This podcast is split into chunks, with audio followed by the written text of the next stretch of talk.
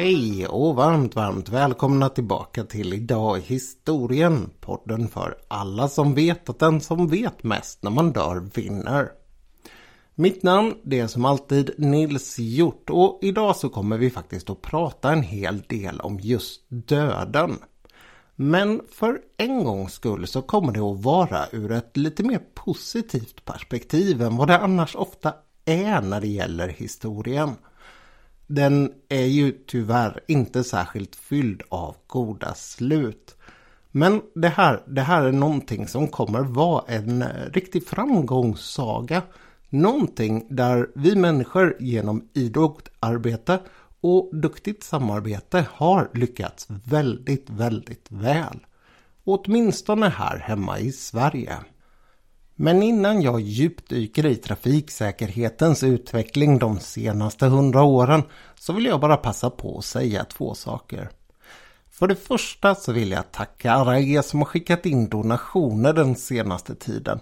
Ni har varit mer än generösa och jag är djupt tacksam för det.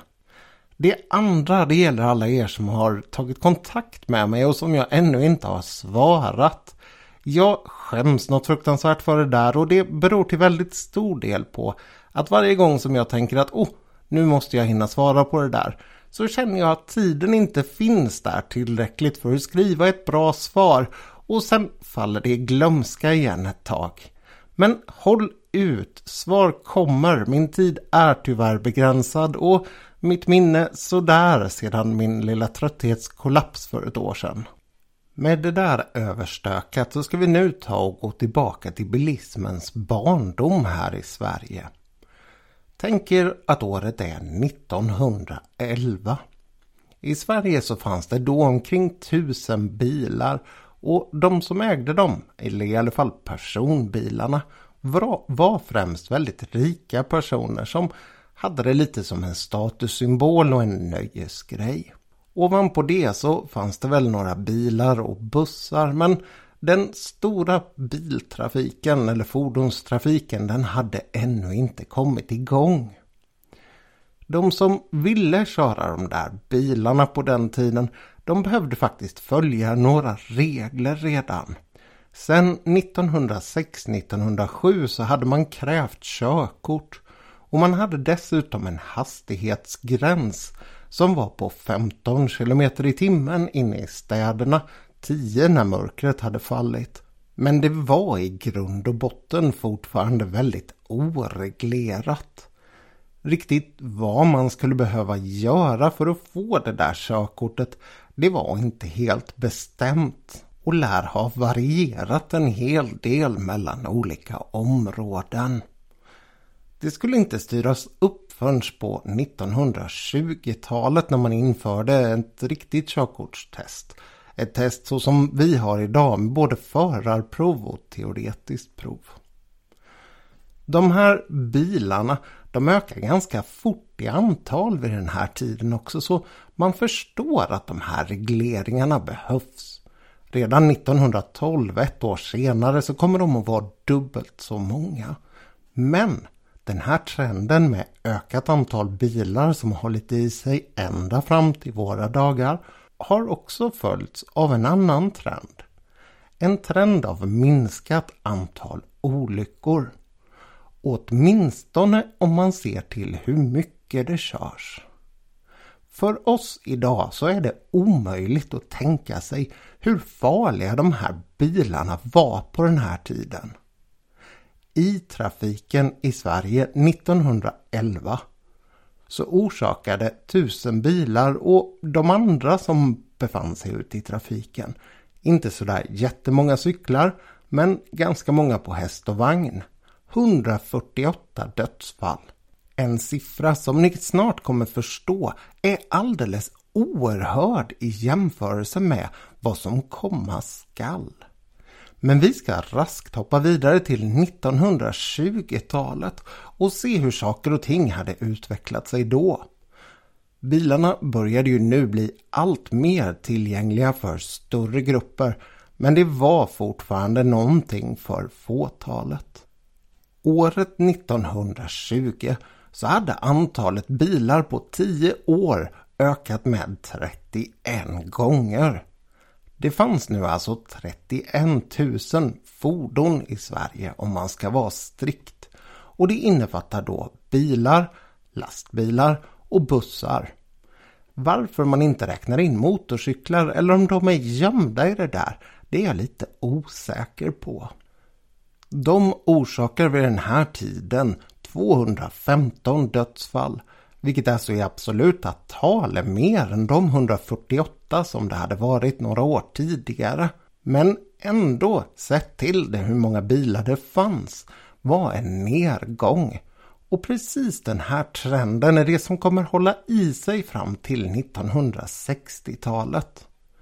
Det kommer att öka årligen hur många det är som dör. Men eftersom trafiken och antalet bilar samtidigt ökar något explosionsartat så göms det i den här siffran egentligen att det sakta men säkert blir allt säkrare. Och det gör det av lite olika anledningar. Som jag sa så hade man först infört en hastighetsgräns inne i städerna på 15 km i timmen på dagtid. 1922 så ändrar man de här hastighetsgränserna. Då får man köra i 35 km i timmen inne i städer och 45 ute på landsbygden.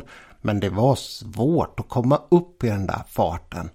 Bilarna var inte särskilt snabba och inte särskilt hållbara och vägarna var ruggigt, ruggigt dåliga. 1930 så ändrar man hastighetsgränsen och nu har det faktiskt hänt väldigt mycket med bilarna. Den hastighetsgräns man nu inför innebär i princip fri fart. Men det är fri fart under ansvar. Därför att det man säger att man vill att föraren ska ta ansvar för det är att han ska kunna stanna inom det område som hans sikt når. Vilket alltså innebär att om det är dåligt väder så sänker du farten. Om det är en kurva så sänker du farten och så vidare. Trots att det är på slutet av 1920-talet är 420 döda per år så har det inneburit att risken att bli dödad per bil har sjunkit med 98 otroliga procent. Det har med andra ord blivit ordentligt mycket säkrare att vara i trafiken även om det med våran syn på det hela fortfarande var orimligt farligt. Det fanns också de på den här tiden som tyckte att det var orimligt farligt och därför så började man 1935 med en vägtrafikolycksstatistik. Det var den första riktigt specifika statistiken som gällde just olyckor i trafiken. Först så tog man bara upp motorfordon men faktiskt redan andra året 1936 så la man till och räknade in gångtrafikanter och cyklister. Vid den här tiden så låg man på omkring 450 döda per år, alltså lite lite högre än vad det hade varit på 20-talets slut. Och den här siffran den fortsätter stiga precis som antalet bilar gör. Ni kommer ihåg att jag sa att 1920 fanns 31 000 fordon. Det där hade ökat drastiskt under de senaste åren. På 19 år fram till 1939, året för andra världskrigets utbrott, så hade det gått från 31 000 till 250 000 bilar. De kör omkring ganska fritt på 7 500 mil väg men nu 1939 och med krigets utbrott så kommer det bli den första rejäla begränsningen av fordonstrafiken i Sverige och några år här nu så kommer det faktiskt gå bakåt. Om ni har sett gamla bilder så har ni ibland sett att folk ser ut som de åker runt med en kamin bak på bilen. Ett så kallat gengasaggregat. Och det där var någonting som man under andra världskriget använde sig av just för att det var så svårt att få tag på bensin. Och man eldade faktiskt i de där kaminerna. De allra flesta bilarna de var dock inställda i garage och på logar och så vidare under den här tiden. De 250 000 bilarna 1939 var 1941 i trafik 75 000 fordon. En rejäl minskning och detsamma, det gällde antalet dödsolyckor såklart. Det här året 1941 så var det bara, får man väl faktiskt säga även om siffran är hisnande, 283 personer som dog i trafiken. Ungefär hälften mot vad det hade varit två år tidigare. Men krigsslutet, freden och den återigen ökande tillgången på råvaror och rikedom får man väl faktiskt säga för folk i gemen innebar en explosion i bilanvändandet igen. Fram till 1950 så ökade ordentligt för att på 1950-talet bli en riktigt otrolig utveckling. I siffror så såg det ut ungefär så här. De 75 000 bilarna 1941 var 1950 uppe i nästan 350 000 igen. De 283 dödade hade samtidigt gått upp i 595 per år. Och antalet procent av vägarna som var belagda det ökade nu hyfsat fort faktiskt. Men 1950 så var det faktiskt fortfarande bara 5% av de svenska vägarna som hade. Resten det var grusvägar. Tio år senare så hade den där siffran stigit kraftigt och samma sak hade hänt med antalet bilar. De 350 000 bilarna hade nu blivit 1 350 000 bilar. Och från det tidiga 50-talet fram till kanske mitten slutet av 1960-talet så är vi inne i bilens verkliga guldålder i Sverige. Det är nu som gemene man sakta men säkert börjar skaffa sig bil och det är nu som man börjar planera ordentligt för att folk ska resa med just bil. Det är ju det som får så katastrofala effekter på många stadskärnor. Inte minst i stadsplanen för Stockholm där man skulle riva bort i princip hela centrum och ersätta det av stora infarter, parkeringshus och köpcentrum. Men det var inte det jag skulle prata om idag utan det var ju just trafiksäkerheten. Och nu, nu har vi några riktigt roliga statistiska siffror av att börja använda oss av. 1950 så har man börjat räkna på någonting som man kallar för trafikarbetet. Det är den sammanlagda siffran av alla antalet körda kilometer i hela landet. Alltså hur mycket varenda bil har rullat gemensamt. 1950 så var den här siffran 5,1 miljarder kilometer.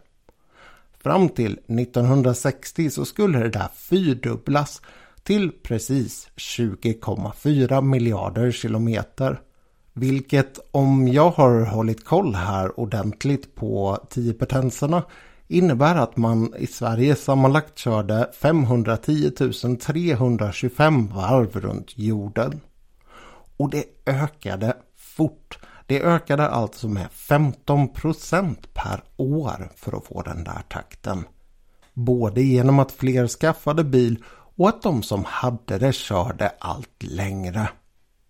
På 1960-talet så minskar den här oerhört snabba ökningen ner till 7% per år vilket fortfarande är väldigt, väldigt mycket.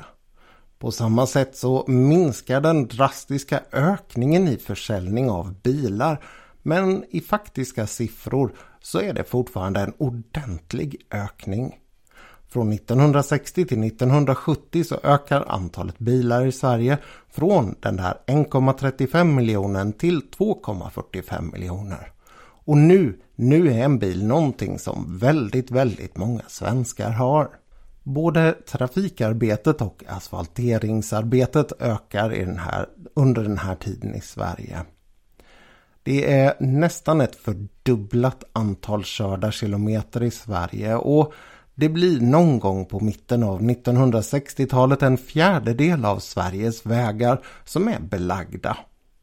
Väldigt mycket är faktiskt inte som jag sa tidigare asfalt utan kullersten. Och tittar man på gamla bilder på Sveriges stora huvudväg vid den här tiden, riksettan, så är den belagd med just kullersten. 1960-talet var också tiden för ett rejält uppvaknande vad det gällde trafiksäkerhet. 1965 och 1966 var de båda värsta åren vad det gäller det totala antalet trafikdödade i Sverige. Kurvan toppar ut på 1313 dödade båda de där åren och man inser nu på flera håll att man behöver göra någonting radikalt. Hos biltillverkarna så har man sakta men säkert börjat satsa på, på säkerhet. Och just de svenska tillverkarna har varit i frontlinjen för det här. Saker som säkerhetsbälten och stoppade instrumentbrädor är något som man räknar med ska kunna rädda en hel del liv. Från statens sida så börjar man nu också ställa högre krav på de som ska tillåtas ge sig ut på vägarna och köra. Och det är ett helt batteri av åtgärder som görs. Den mest kända är väl egentligen omläggningen till högertrafiken, anpassning till hur det ser ut i resten av Europa. Men också någonting när man tar ett rejält grepp på körsäkerheten. 1955 så hade man haft en folkomröstning om just högertrafiken och 89 procent av svenskarna sa nej. Men det här gick man emot och 1967 den 3 september klockan 5 på morgonen så införs högertrafiken. En omväxling som vissa menade skulle sluta i blodbad men så var inte fallet. 1967 blir istället ett av 60-talets bästa år. I samma veva passar man också på att ta bort den fria farten och inför istället hastighetsgränser. Den gamla klassiska skylten, en gul cirkel med ett svart band över, försvinner. De första åren så kommer motorvägarna tillåta 130 km i timmen men det där sänks redan efter ett par år till 110. En utveckling som har skett i princip alla länder runt om i Europa. Idag så är det vad jag vet bara i Tyskland och på Isle of Man som man fortfarande har fri fart. Och i Tyskland så gjorde man ett ordentligt försök att på den västtyska tiden införa just hastighetsbegränsningar på autobahn. Det man från motsidan använde sig av då var slagordet Freie Fahrt für freie Bürger. Fri fart för fria medborgare. Och det där kunde man inte riktigt stå emot då. Men jag skulle gissa att det faktiskt ganska snart kommer en hastighetsbegränsning även i Tyskland. Andra stora förändringar som kom med tanke på trafiksäkerhet vid den här tiden var 1966 års regler för obligatorisk besiktning av bilar. 1968 års regler för mönsterdjup på däcken och 1969 att alla nya bilar skulle ha säkerhetsbälte. 1971 så började man med differentierade hastighetsgränser. Det vill säga att det kunde vara olika hastighetsgräns på olika sorters vägar. Och det där, det låter ju väldigt naturligt för oss. Men förr så skilde man faktiskt bara på landsväg och hade samma fart på alla oavsett hur de såg ut. Idag är ju vägar helt styrda av vad det är för storlek på dem, vad det finns för olika andra förhållanden runt omkring. Men då, då var det bara en regel för att en landsväg körde man si och så fort på. 1975 så införde man dessutom en lag som sa att man skulle använda säkerhetsbältet fram. Det här med att man 1969 hade krävt att alla nya bilar skulle ha bälte. Det innebar inte att man var tvungen att använda det. Och samtidigt så innebar det här att bilar som var tillverkade före 1968 gick fria. Så är det ännu idag, så att ser du någon i en veteranbil som åker runt utan säkerhetsbälte så är det helt i sin ordning. Samma år så började man också ställa krav på att man skulle ha hjälm när man körde motorcykel. Och det där det låter ju självklart men det var långt ifrån det på den tiden. Och även här fanns det ett lite udda undantag. Sikher, den här lilla gruppen från Indien, de ska ju egentligen alltid bära tur turban. Och de behövde med andra ord inte använda hjälm när de körde motorcykel i Sverige. 1977 så följde också en lag som sa att alla bilar skulle ha varselljus tända framåt, även när det var ljust ute. Ungefär på samma sätt som vi idag åker runt med halvljuset på på de flesta bilar i Sverige. Någonting som man ganska få länder gör än så länge. Trots att det faktiskt är en väldigt enkel trafiksäkerhetsåtgärd. Gav alla de här åtgärderna då egentligen någon effekt?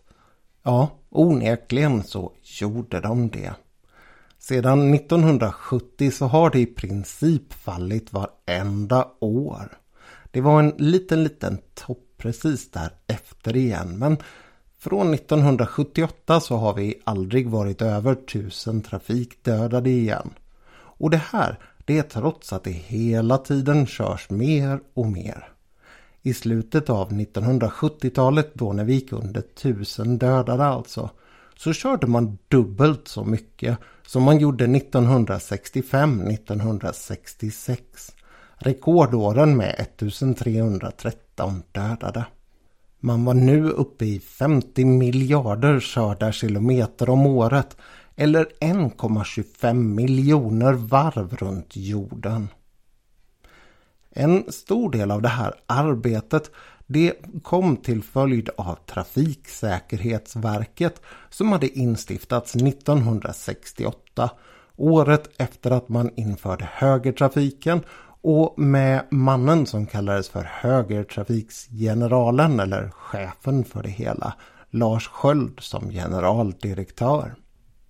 För att underlätta det här arbetet med trafiksäkerhet så gjorde man också som man så ofta hade gjort i Sverige från 1920-tal och framåt. Man började forska i frågan för att skaffa ett ordentligt underlag för arbetet. Det här det skulle ske genom 1971 års instiftade Statens väg- och trafikinstitut. Och det är faktiskt väldigt intressanta år de här. De innehåller kanske den bästa statistiken just vad det gäller trafiksäkerhet i Sverige och de kom också faktiskt med en hel del nya insikter. Bland annat så insåg man att en ganska stor del av de här personerna som avled i trafiken var folk som dog till följd av sjukdomar medan de körde bil eller folk som begick självmord i trafiken. Det rörde sig inte om särskilt många fall, mellan 20 och 40 sjukdomsfall och kanske fem självmord. Men det gav ett rejält genomslag ändå i statistiken och det här var siffror som stod sig hyfsat jämnt vilket gjorde att de blev en allt större del i takt med att allt färre dog av andra skäl i trafiken. Och dessutom så skulle de bli ytterligare en ännu större del när man började gå på djupet med det där med självmord i trafiken. Man insåg till slut att det rörde sig faktiskt inte om fem om året utan att det pendlade ganska mycket och kunde gå ända upp till kanske 35 om året. Sjukdomsfallen och självmorden i trafiken skulle faktiskt i takt med det här som jag sa, det sjunkande antalet trafikdöda till följd av olyckor bli en så pass stor del så att när man sammanställde statistiken 2012 så stod de här två grupperna för en fjärdedel av alla som hade dött i trafiken. Fram tills dess så var det ett stort antal nya lagar som skulle öka trafiksäkerheten. Och precis på samma sätt som det hade varit från 1960-talets mitt så var det till ganska stor del till en början åtminstone, just trafikanten och bilen som han arbetade med. 1986 så blev det lag för att vuxna skulle ha säkerhetsbälte på sig i baksätet och 1988 så blev det det även för barn och att de dessutom skulle ha någon form av speciell sittanordning ifall de var för korta. Jag är av den åldern att jag fortfarande kan komma ihåg hur man satt och åkte där bak i bilen utan säkerhetsbälte och jag har kompisar som minns hur de låg och sov uppe på den här hatthyllan där bak. Det är otroligt att tänka sig i dessa tider när jag själv har en fyra och ett halvt årig son som är fastspänd på så många olika sätt känns det som. Att ja, han skulle klara en månresa där bak. 1990 så följde också en ny körkortsutbildning och dessutom så ändrade man reglerna för rattfylla och mönsterdjup. De skärptes ytterligare det här året. Airbagen var också någonting som började slå igenom på 1990-talet och man kan ha lite olika uppfattningar om dess hjälp för säkerheten men på totalen så har det varit positivt. Dessutom så ökade man antalet utandningsprover just för att se till att det inte var folk som var fulla. Och man började dessutom bygga om vägarna igen. Korsningar började nu ersättas av rondeller och 2 till 1 vägar eller sådana här 2 plus 1 vägar började dyka upp i slutet av 1990-talet.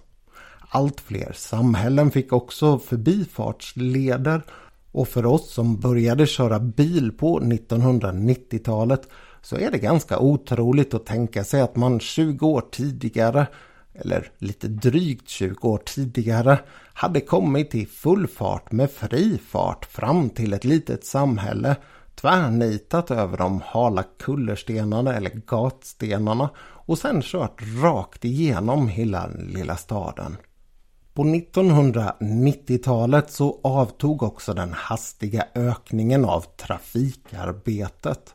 Den här totalsiffran för hur många körda kilometer som skedde i Sverige per år. Man var nu uppe i 66 miljarder körda kilometer och det totala antalet döda i trafiken var omkring 500, ganska stabilt faktiskt.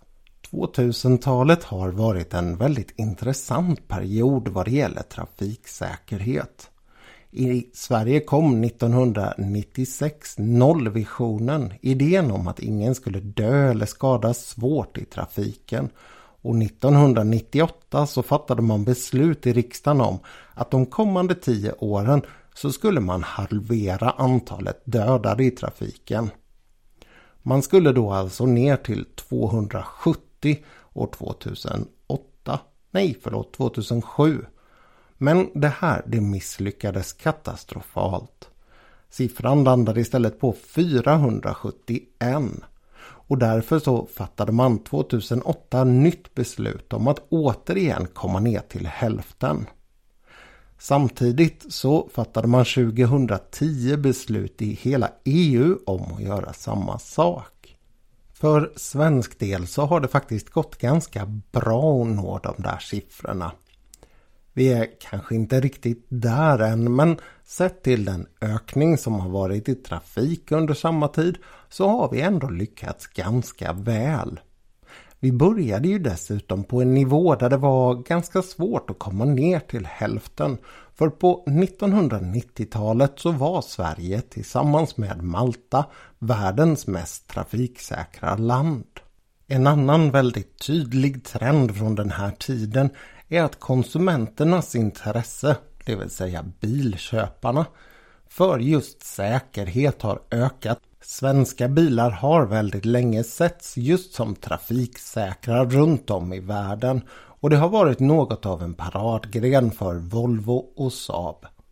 Svenska bilköpare har också väldigt länge utmärkt sig i att de gärna köper större bilar än vad man har gjort runt om i Europa. Men på det sena 1990-talet och i allt ökande takt sedan dess så har konsumenter börjat titta på just det här med säkerhet Och det är någonting som har dykt upp i bland annat biltester och så vidare.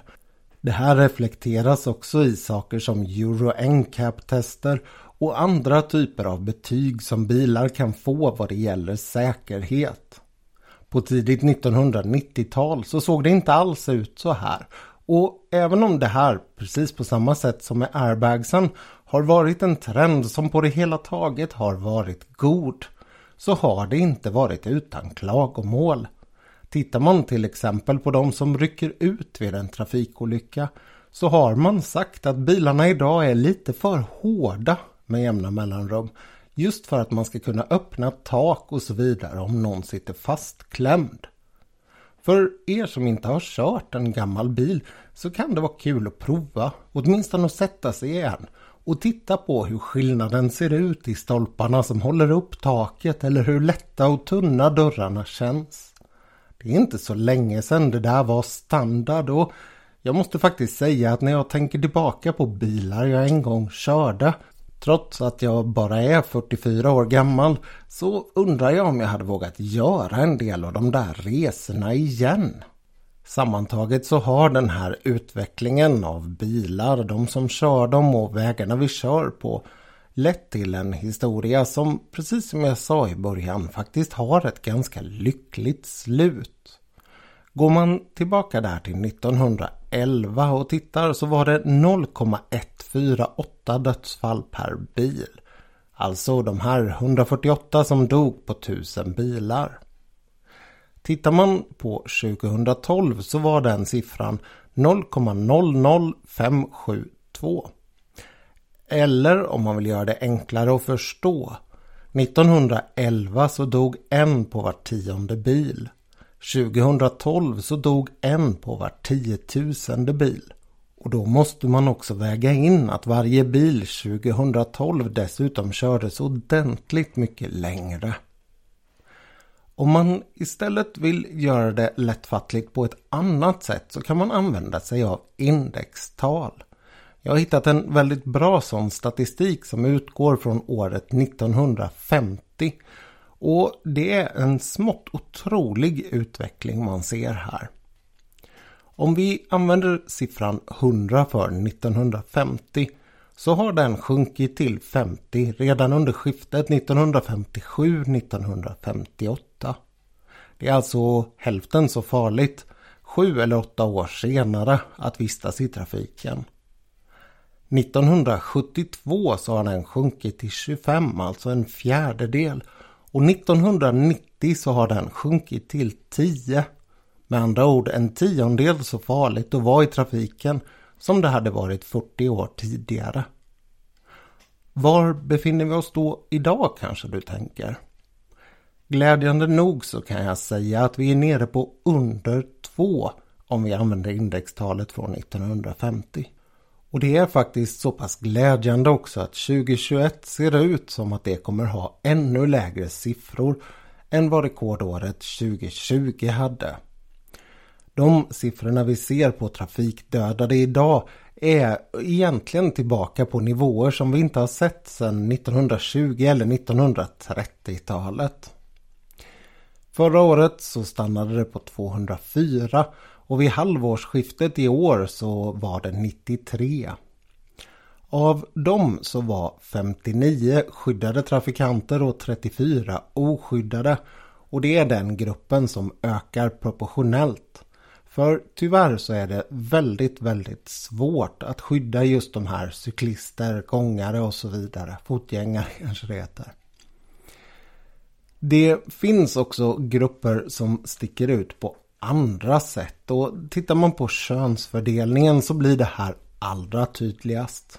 Av de 204 som dog under 2020 så var 158 män och 46 kvinnor. Det vill säga 77,5% av alla som dör i trafiken är män. Det här kan till viss del förklaras av att män kör mer än kvinnor men inte så pass mycket mer att det faktiskt kan förklara hela den där skillnaden. Långt ifrån. Män kör ungefär dubbelt så långt som kvinnor på ett år och det betyder ändå att det finns en enorm överrepresentation av män som dör och män som orsakar dödsolyckor. Och någonting som gör den där statistiken ännu svårare att förstå det är att lindriga personskador, där är kvinnor överrepresenterade gentemot män. Så det verkar som att när det blir en rejäl olycka, när det är dödsfall, då är det ofta män som är inblandade. Medan det inte går att se någon annan liknande skillnad på de mindre olyckorna. Varför har jag inte hittat något riktigt bra svar på, men jag tycker att det är väldigt intressant. Kan det vara så att det är en liten grupp av män med ett specifikt beteende som gör att det blir på det här sättet? Ja, det här är ju egentligen inte min sak att spekulera i, men det väcker onekligen en del funderingar. Intressant är också att notera att det finns vissa andra grupper som står ut. Till exempel så är det personbilsförare som står för den allra största delen av dödsolyckorna. Och det är väldigt ofta så att det rör sig om singelolyckor också. Betydligt oftare än vad jag hade trott.